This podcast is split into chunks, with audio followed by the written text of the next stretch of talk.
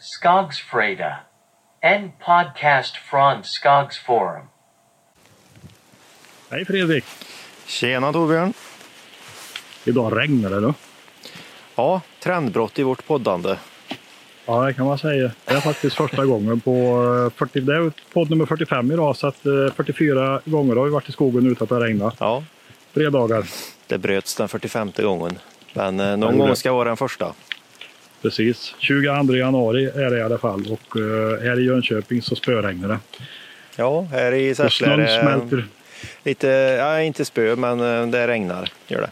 Ja, äkta blött regn är det nu och det är väl skönt att det kommer ner nederbörd. Men det finns nog de som får det i vit form idag och igår. Det har ju snöat mycket uppöver och är väl inte färdigt än misstänker jag. Ja, nej, jag är nog faktiskt inte speciellt avundsjuk på, på eh, folk som bor uppe i ja, Sundsvall, Övik, Umeå just nu. Det är Nej. nog lite för mycket snö.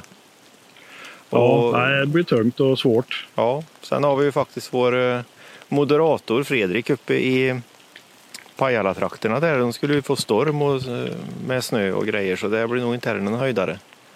Nej, nej fy sjutton. Så det är hårda puckar där uppe nu just nu tror jag. Ja, det är det. Annars så går det faktiskt mot ljusare tider. Det har gått en månad efter vintersolståndet nu så jag tyckte nästan inbilla mig att det blir ljusare någon minut tidigare i morse. Ja, jo, men det känns, Att, jag tycker det känns på eftermiddagen också faktiskt. Får säga som eh, Löfven, håll ut. Ja, lite kommer, så. kommer bättre tider. Nej, men vintern är väl bra för skogen och snön eh, är väl ingen nackdel om det är rimligt mycket så är det väl bra för drivningsförhållanden och annat. Men klart, blir det över en meter så kanske det blir jobbigt. Ja, jo visst är det så. Nej, men vatten ska vi Mm. aldrig klaga på annars. Det är ju det viktigaste vi har nästan. Ja, Eh, Men jag tänkte på det, det kan ju faktiskt vara en bra sak. Eh, Ni som har mycket snö nu, upp med bilder på Skogsforum. eh, Ja. Och presentera ert läge. Det kan ju vara ganska intressant faktiskt. Att få en, en Precis. nulägesbild på hur det verkligen ser ut. du kan ju länka upp vinterrapporten i podden här så Ja, är det bara att fylla på, mata. ja absolut. Var inte rädda för att göra det, för det är, det är många som eh, är intresserade av att veta hur, hur det ser ut i vårt avlånga land. Ja, en del längtar efter att få det så, en del eh, är glada att man inte har det så. Ja, det här med gladheten kommer nog med åren tror jag. Det kanske gör det. Man slipper att skotta. slipper att skotta. ja, det, Ja, när ungarna har växt ur uh, pulkåldern så eh, klarar man sig bättre utan snö. Jo, så är det. Eh, Men då är frågan, vad hittar vi på idag Torbjörn? Vi har, en, eh, vi har haft en mycket spännande vecka och vi pratade om förut att vi, vi kommer ju aldrig att kunna klämma ihop det här på en halvtimme men vi ska göra vårt bästa i alla fall va? Ja, vi gör det. det nej, det, ja, det är mycket som har hänt. Det, det är ju liksom... eh, ja, det, det skruvas åt på något sätt. Eller liksom, eh, jag vet inte vad man ska säga. Det, det är avgörande, eller som eh, var mest anmärkningsvärt kanske sen vi poddade sist, det är ju att eh, Sveaskogs vd fick sparken rakt av. Och Ja. det var inga vackra omskrivningar som ofta brukar vara att man går skilda vägar och att eh, man har kommit överens om det. Utan det var sparken på, på stående fot. ja. Och anledningen vet vi inte riktigt. Nej, Det finns det lite rykten. spekuleras ju lite. Ja. Ja. det spekuleras lite grann och eh, jag vet inte, ingen av oss har väl någon direkt eh, uppfattning om de här personerna, varken ordförande eller vd. Men jag roar mig med att läsa igenom uh, årsbokslutet Sveaskogs från i fjol. Ja. Och eh, det har ju kommit upp en del synpunkter om att man har, ja, som vd på Sveaskog har man helt orimligt mål. Eller orimligt att få ihop verksamheten för man har ett högt avkastningsmål och man har ett högt mål när det gäller miljövärden och miljövänlighet och hänsyn till alla möjliga håll och kanter. Då. Mm, utopisituation. Ja, ja, men alltså det är ju det här med att äta kakan och ha den kvar på något sätt. Alltså det är lätt att skriva det i ett strategidokument men sen när man ska utföra det i praktiken så kanske inte det går. Nej. Så är det. Och, eh, nej, men jag tittar på Sveaskog har ett avkastningskrav, ett direkt avkastningskrav på 4,5 procent och det är ju inte vinstmarginalkrav utan det är ett avkastningskrav på på kapitalvärdet i princip då, eller på, på tillgångarna man Mm. har. Och tillgångarna för Sveaskog är skogsmark. Mm. Eh, och värdet på den har vi pratat om tidigare. Den skrivs ju upp successivt då. Skogsbolagen har skrivit upp, skrivit upp och börsen värderar upp och Sveaskog har ju tvingats av bokslutsmässiga principer att öka värdet på skogsmarken. Ja. Eh, och då ökar ju behov, pengarna som måste in för att man ska nå avkastningskravet. Då. ja. Men i, Sen- i reda jag- pengar, vad är, direkt, vad är direktavkastningen då, då? För det kan ju inte vara att de håller på och skriver upp värdet på skogen hela tiden. Utan jag såg det lite mer som att, att det är vinst ur företaget som ska gå till statskassan. Eh, Ja. Lite som en aktieägare får en utdelning.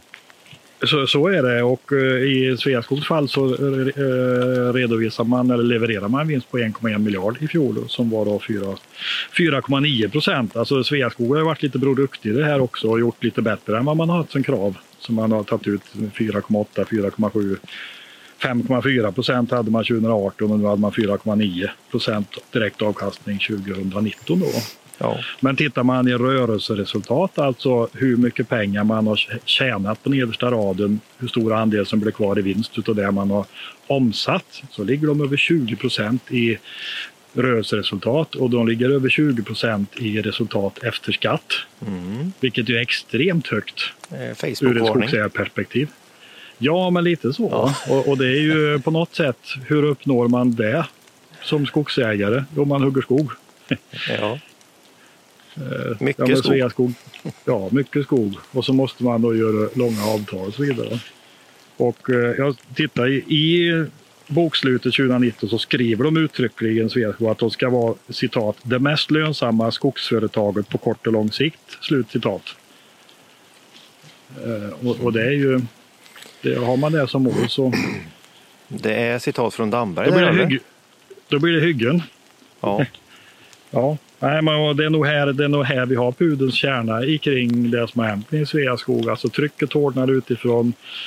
Stor kampanj mot deras eh, avverkningar i framförallt i norra Sverige, renbetesland och så vidare. Och någonstans har, har eh, ja, ordförande eller vd olika uppfattningar om hur det här ska ske på något vis. Då. Ja. Eh, Och i grunden det. kanske det är- Och jag tror att den har ju, det har vi ju pratat om ganska många gånger på Skogsforum, om att de har en, en eh, ur ett ekonomiskt perspektiv en ganska kass åldersfördelning på sin skogsmark nu också. Så de, Ja. de håller ju på att ta det sista, för sen så är det ju nästan så de får börja köpa in röjsågar. Och har inte så mycket att avverka sen, för åldersfördelningen är, är på det viset för dem. Och, Ja. Och Sveaskog har själva varit öppna med att de avverkar vid LSO, alltså lägsta tillåtna slutavverkningsålder och den är ju ganska låg. ja, Eh, och jämför man om man avverkar vid, vid gamla LSO som var mer rimlig och den ligger ändå långt innan tillväxten kulminerar. Ja, Då kanske man måste hugga 30% större areal för att få ut virket och då får man ju på köpet får man ju 30% större föryngringsareal som ska be- beskogas kostnader och röjas kostnader. ja. Så det blir ju lite eh, kissa i byxorna-varning på det tycker jag. Ja, och så är det väldigt känsligt. Menar, det är ju statens skog. Det, Ja. ma- Man rycker inte på ögonbrynen om det hade varit en privat stor skogsägare som hade haft de här målen. Men eh, man kan ju faktiskt ifrågasätta den statliga skogen Ja. lite mer ur den aspekten Ja, också. precis. För det som det ger till statskassan är ju en, en eh, snöflinga Alltså, på ett fjäll. fjärt jämfört med vad Ja. coronaekonomin har satt i rullning till exempel och en miljard lite drygt. Eh, Ja. Det kan ju staten vara utan om man vill eh, putsa sitt anseende inom det här området. Ja, visst. Nej, jag, jag, då, eh, ja, Nej, jag tycker det, det är väldigt intressant och, och det som vi tittar på lite det var ju att eh, en gång i tiden, jag kommer ihåg för typ eh, drygt tio år sedan så, så satsade Sveaskog på och ganska storskaligt på att- att få in eh, pengar på inte bara hugga skog. Eh, naturturism och sånt där. De startade en sajt som jag tror hette inatur.se och de satsade jättestort på intäkter som inte var relaterat till just huggningen. Då. Men det Ja. la de ner det här projektet och eh, jag tror då historien nu som vi står i här, den visar ju att eh, eh, de valde skogsbruksspåret eh, istället troligtvis då. ja, de skriver mycket om sådana saker i, i årsredovisningen för 2019. Det är väldigt bra. bra eh, vi kan, kanske ska ladda upp den på, i podden också. Men det beskrivs ju mycket om andra värden och hur man skulle kunna jobba med att kapitalisera på det. här. Men eh, Ja. det är virket som står för affären. Och det man kan fundera över som blir väldigt intressant nu då, för att tittar man på virkesflödet så har de 10 miljoner kubikmeter per år som de levererar till industrin. Sveaskogs kunder är industrin och ägarna är staten. De skriver själva tydligt att kunderna är industrin. Sågverk, massabruk, bioenergi. Det är långt över 10 producenter. procent av Sveriges års avverkning. Ja, ja. men sex utav de här miljonerna drygt kommer från egen skog. Det andra köper man från andra skogsägare och en del till och med importerar man om man byter mycket virke med det här som kallas för centrala köp på virkeshandelsspråk. Då. Ja. Att man, man kanske säljer timmer till ett sågverk och så får man deras massaved eller flis som man säljer vidare till massabruk. Som man har avtal med då. Ja. Eh, Men eh, säg att man skulle säga att staten eh, får trycket på sig att vi måste ändra Sveaskogs uppdrag att avverka mindre skog, bygga upp mer förråd. Ta större hänsyn att vi tar bort 30 procent. Det är två miljoner kubikmeter som försvinner från marknaden. Ja. Och det kan ske. Ja, ja, och det, det tror jag att... eh, eh, Ja. Tror man det som eh, ryktena som är varför eh, Hanele Arvonen fick gå så var det ju att hon var för aggressiv i, sin, eh, i sina virkesköp. Och, och är, Ja. är det så då, då kommer det ju att bli en minskad volym ut ur Sveaskog, det är jag helt säker på. Jag tror att det kommer bli så oavsett vad orsakerna var till hennes Ja. avgång. så det är ju en, eh, det är ett, eh, ett lågodds-tips. Ja, och då kommer vi på tillgång och efterfrågan. Troligtvis så kommer Ja. virkespriserna öka för, sko- för skogsägarna då. ja, det är väl skitbra. Ja, det är väl eh, jättebra. Det, det, jättebra. känns ju som att det är ju den vägen som staten borde jobba långsiktigt och har gjort i, ska ha gjort i alla år egentligen. Ja. Det är ju återigen nästan en glesbygdsfråga, Absolut. tycker jag. Det Så är det, men det är ju synd att det ska gå till på det här viset då. Det är ju illa Ja. skött om jag, kan jag tycka faktiskt. Det här borde de ha tänkt ut för länge, länge sedan i så fall. Det är ju lite grann som någonting som har spårat ur som man kanske har haft koll på egentligen men som man inte har kunnat orka gjort något åt för att det har, varit, det har haft någon positiv effekt i form av vinster och pengar som har kommit in. Ja, Ja. ja, det, nej, Ja, det här är de har- spännande saker. Eh, En annan sak som jag har väldigt stark koppling till det här tycker jag som det var mycket diskussion om. eh, Det var en tråd du la upp med de 20 största kalhyggena i Sverige. Ja, den fick genomslag. Och det, Ja, det det, var blev kul. väldigt mycket konstiga diskussioner. Eller jag ska inte säga konstiga, men intressanta diskussioner. Ja, nej, jag fick ju lite kritik eh, i tråden för att jag varför lägga upp något dylikt. Eh, Ja, Och eh, det var bra på ett sätt att- vi fick den kritiken för då kan man ju förklara lite mer ingående varför vi gör det. Eh, ja. Och det var ju att vi Du kan väl beskriva på... vart eh, datan kommer ifrån för att det är ju också viktigt. Ja, eh, det var ju så att det är ju öppen data. Det är ju sånt som vem som helst kan hämta in. Eh, Och det kändes ju som Ja. att genom att det är öppen data så, så är det ju absolut ingenting som man kan blunda för. Eh, Det fanns lite såna här undertoner i liksom, eh, varför visar ni upp det här? Ja, det är ju för att det är Ja. öppen data. Och eh, kan man då jag, jag, känner, jag känner så att eh, fakta måste man alltid kunna presentera, det kan man inte blunda för. Och det finns även en, en sak i det här att vara först med någonting också. För då finns det en äkthet eh, i att gå tillbaka till att då har vi faktiskt presenterat hur det är. Ja. För, för jag Så tror... du menar eh, om, eh, om miljöorganisationer skulle börja lyfta upp det och säga kolla här vad, ja men det är ju Skogsforum har redan presenterat, det är inget konstigt med det. Ja, nej, öppet, transparent och eh, det, det är ju enda vägen att gå kan jag tycka. För det, det är ju som sid, sidtråden som blev, diskussionen som blev i den tråden, det var ju liksom att ordet kalhygge och att varför använder ni det? Och Ja. det tyckte jag också var väldigt, väldigt intressant för jag är ju uppväxt med ordet kalhygge. Eh, Ja. och jag har ju använt det i alla mina år som jag har grejat med skog. Eh, Så, Ja. så jag skulle tippa på att det är ju egentligen det är ju, det är ju antagonisterna till trakthyggesbruket om man säger så som har kapat det här ordet och gjort det dåligt, eh, ställt det i dålig dagar. Och, och, men, Ja. men att då tycker jag det vittnar om dåligt självförtroende ur skogsbranschen att vi, att vi helt plötsligt ska, eh, att det är farligt att nämna det ordet, för det tycker jag inte att det är. För då har, vi förlor- då har man ju förlorat. Jag menar, vi måste ju kunna... Ja, alltså försöker man skriva om det på något sätt. Vi pratar om trakthyggesbruk och vi pratar om hyggesanmälan och vi pratar alltså det, officiell Föryngringsyta och blivande Ja. skogsyta. Och, men det är ju, nej, det tycker inte jag. Jag tycker det är väldigt viktigt. Det är, ett gammalt vedertaget ord. Alla förstår vad det betyder. Och det gäller att ta kontroll över grejerna. Ja. Det måste och så, så bedriver mycket skogsbruk på en del av arealen av goda grunder. Ja, så mycket självförtroende måste vi kunna ha faktiskt. För annars så Ja. tycker jag det vittnar om eh, det motsatta. Att eh, Ja. vi kuvar oss för, för någonting och det, det känns inte riktigt bra. Men, Men om man eh, går tillbaka till de här eh, 20 största hyggena då, vad, vad, Ja, nej, men det, säga det om som är intressant det är ju det som eh, jag tycker är värt att lyfta fram eh, som huvudargument för, för listan. Det är ju att de största hyggena, i princip majoriteten, har ju tillkommit på grund av någon störning. Det är ju storm eller skogsbrand eller någonting sånt som har orsakat att man måste ha, man har tvingats Ja. till att ta upp de här hyggena. Och, eh, det är inget som görs regelmässigt i skogsbruk utan det, det är ju Nej. tvingas på grund av störningar. Ja. Och sen naturligtvis så finns det avarter som vi måste kunna diskutera också. Det finns, Ja. eh, det finns för stora hyggen idag, eh, kan nog de flesta tycka. Och det, det är inte, Ja. inte någonting att blunda för utan det är bara det är fakta. Eh, Men, eh, Men det blir samtidigt ju så en lättare diskussion om man får upp fakta på bordet så får man en bra diskussion tycker jag. Ja, och sen så valde vi att släppa den här först för vi sitter ju på mycket mer data som kommer att vara väldigt intressant i nya trådar som vi kommer lägga upp här nu inom kort. eh, Där vi också presenterar hur utvecklingen på storlek på hyggen och åt alla håll och Ja. kanter och sådär. Så det kommer bli, jag tror det kommer bli en väldigt, väldigt bra serie av trådar faktiskt. Jag tror det och jag tror att det är, ju en, eh, det är någonting som är ett bra diskussionsunderlag för skogsbruket för det är inget som är negativt för skogsbruket egentligen utan man, eh, det stärker väl den bild man vill förmedla lite grann även om det finns stora hyggen. Sen kan man alltid diskutera vad är gränsen, vad är smärtgränsen för ett stort hygge? Ja, ja visst. Vad, vad är okej, vad är inte okej? Det är klart den som har en liten stuga och så hugger någon ner ett hektar bredvid den tycker att det är skitjobbigt med ett kalhygge Ja, ja, på ja ett hektar.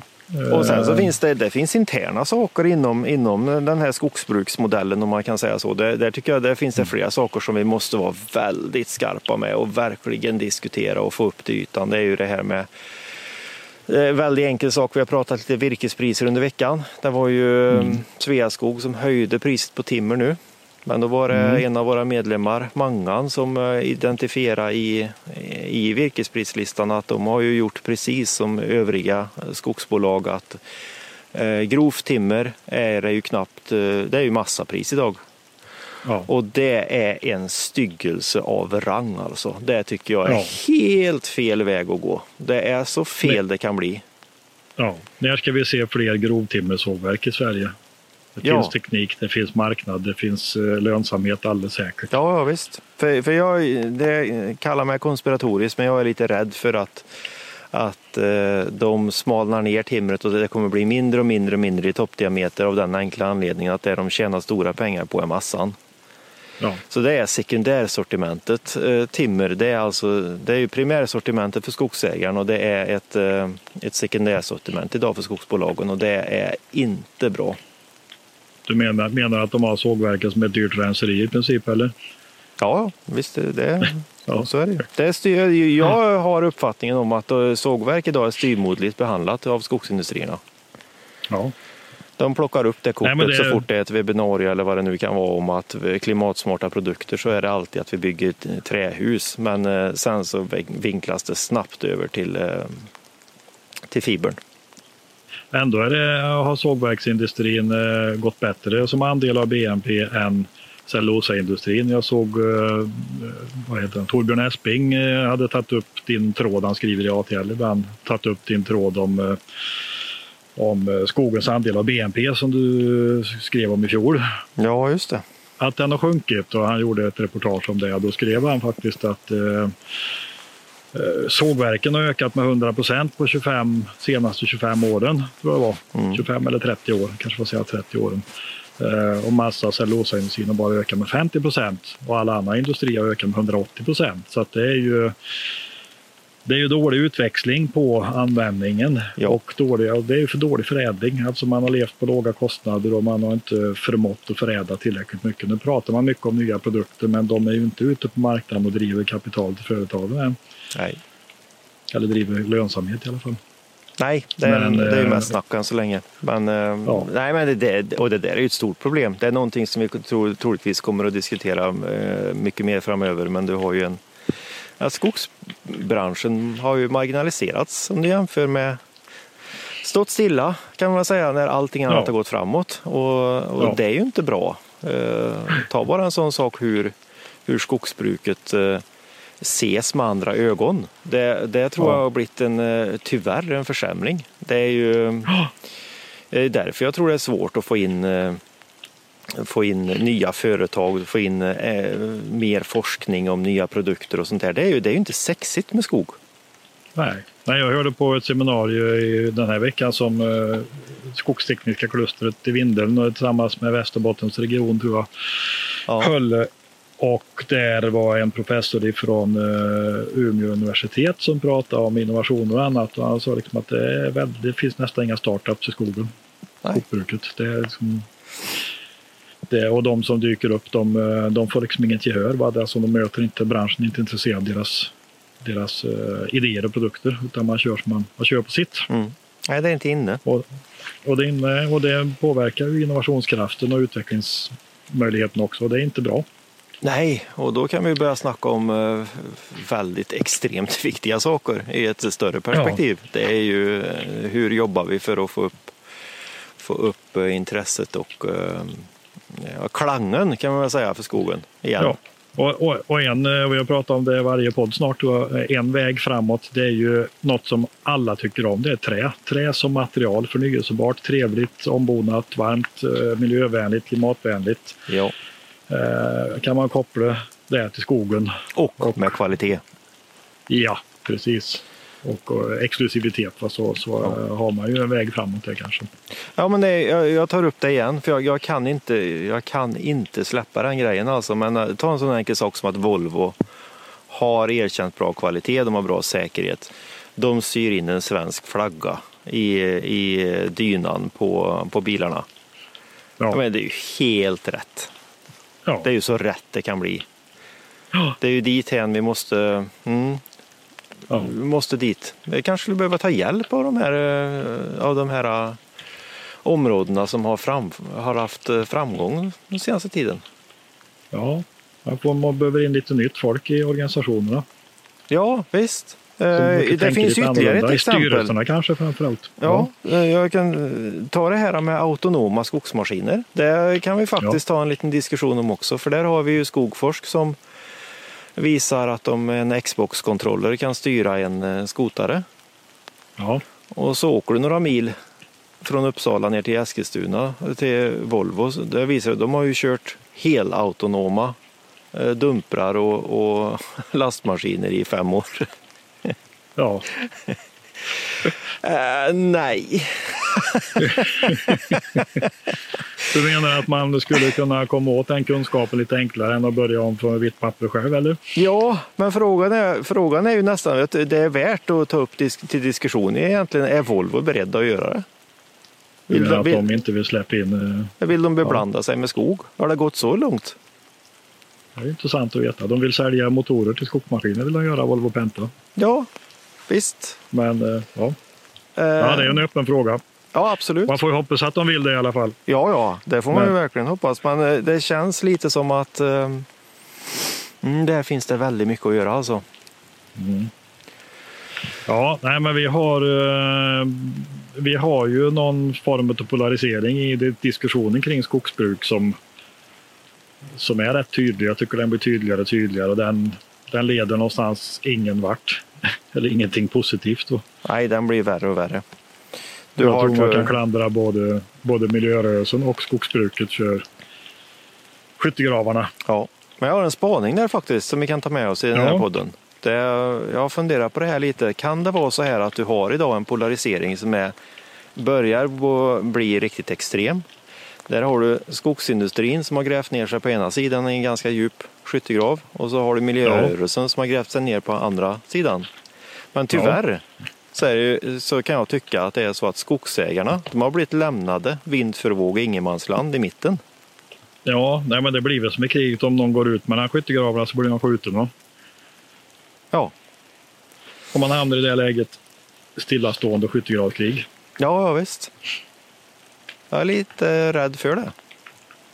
Och då Ja, eh, men, eh, borde jag jag i skrev några, ja, skrev några rader. Det är en, en, en tråd som kom upp som är jätteintressant diskussion lite grann som berör de här tre, tre ämnena som eh, Josefine tog upp. Hon har skrivit mycket intressant och har, kommer utifrån med lite annat perspektiv och är väldigt bra på att formulera sig tycker jag och för en vettig diskussion som, som har lyft mycket diskussioner ja, en på Skogsforum. Och eh, ja, hon, hon, tog upp en, hon skrev miljömupp inom citationstecken så alla förstår att, eh, ja, att inte tillmäle men att diskutera, diskutera kring de frågorna. Mm. Och um, det är ju Alltså jag tror att skogsägarna är förlorade i det här för att eh, skogsägarna har också fått skogsindustrin som representant för skogsindustrin har sett att äganderätten är hotad skogsägare, att man eh, inte får avverka skog som man vill eh, och få ersättning för det och då har man tänkt att det är inte bra för virkesflödet så då hakar man på och, och det är inte säkert att det är den bästa hjälpen skogsägaren kan få. Nej, det finns de som har pratat om gisslansituationer ja, faktiskt. Ja. Jag vet inte om man håller med om, men eh, det finns faktiskt en... Eh, Nej, men alltså man diskuteras. får vara vaksam för det. Va? Mm. Verkligen. man vara. Och eh, då skjuter man ju in sig på ja, nyckelbiotoper. Då slutar man inventera nyckelbiotoper. Men, men naturvärdena finns ju kvar ändå. Det, det hade ju varit bättre att man tydligt skjuter in sig på att skogsägaren till varje pris ska ha ersättning om intrånget blir för stort. För det tycker jag är det viktigaste. Ja att eh, inte skogsägaren ska behöva bära kostnadsansvaret för eh, de hänsyn som samhället anser att vi ska ta, eller kunder eller certifieringsorgan eller annat. Men eh, den vägen har man inte gått utan man skjuter in sig på att ta bort och få bort klassningar och annat då. Ja. Men, Nej, det håller jag med ja, om. Den diskussionen fortsätter nog. Ja, absolut, men den är väldigt, väldigt viktig. Eh, nu känns det som ja. att vi har fastnat nästan i en sån här, det blir nästan någon form av övergripande politikpodd den här gången. Men eh, ja. eh, så får det väl bli ibland, för det är, det är ju faktiskt viktiga saker att ta en helhetssyn på det hela också kan jag tycka. Ja.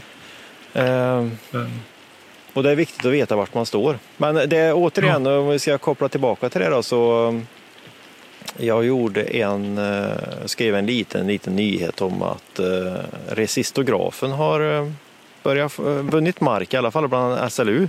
Har börjat kört med ja. resistografer istället för, istället för det vanliga tillväxtspåret. Den har jag aldrig hört talas om innan så den får du gärna berätta om. Ja, nej, men det var ju, jag trodde ju att, jag tror det är noll kommentarer på den tråden. Ja. Men det är ju den som skulle haft kanske mest den här veckan. För det var ju helt ja. eh, ofantligt bra grejer. Alltså du borrar in ett 3 mm borr med eh, utan kärna. Du borrar rätt in i trädet och genom att du borrar 3 mm hål så får du ju, det växer ju igen och det skadar inte trädet på något vis. Eh, och, och det den gör det är ju att den mäter ju borrets motståndskraftet borren har eh, löpande eh, jätteofta, flera gånger per sekund. Och genom det så får du ju årsringarna du får även reda okay. på om du har röta i trädet och du kan även mm. göra en kvalitetsbestämning på trädet så du får ju densiteten. Så mm. SLU skrev i sitt nyhetsbrev att det här är ett verktyg som inte bara kan bestämma ålder och sådär utan man kan ju faktiskt kvalitetsbestämma unika träd, ungefär som en stämpling. Och där har och det du... borde ju vara jätteintressant. Ja, för en skogsägare borde det vara fruktansvärt intressant. Ja. För det, det, är ju lite som vi har varit uppe och tittat på de här otroligt fina bestånden som finns i gräsmark som, som synas ut. Då. Eh, det, det, är ju en, en, storskalig sån utsyning av svensk skog hade ju varit eh, enormt häftigt. Det är ju bara ja. att sätta en, en, eh, sprayburk på vad det är för typ av rotstock i det här trädet och sen så är det ju ut med det som en rotpost i princip. Ja. Ja. Rätt skogsindustri och, får rätt råvara hela tiden. Få igång ett flöde med kvalitetsvirke ut på marknaden där man kan göra saker på. Ja visst, vilken utveckling. Ja.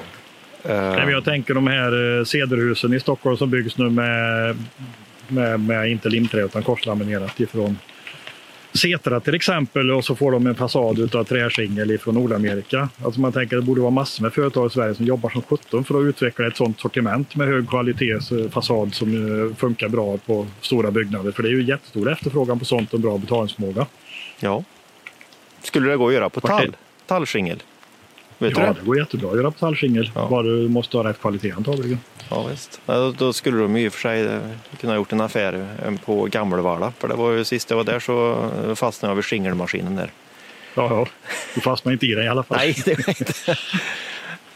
Ja, vi fastnar i politik. Men du, våran halvtimme har snart gått. Det var mycket, men vi hann ändå prata en del om det som har hänt tycker jag. Ja, eh, absolut. Men det finns jättemycket mer på Skogsforum så det är mitt tips så att eh, gå in där och kolla.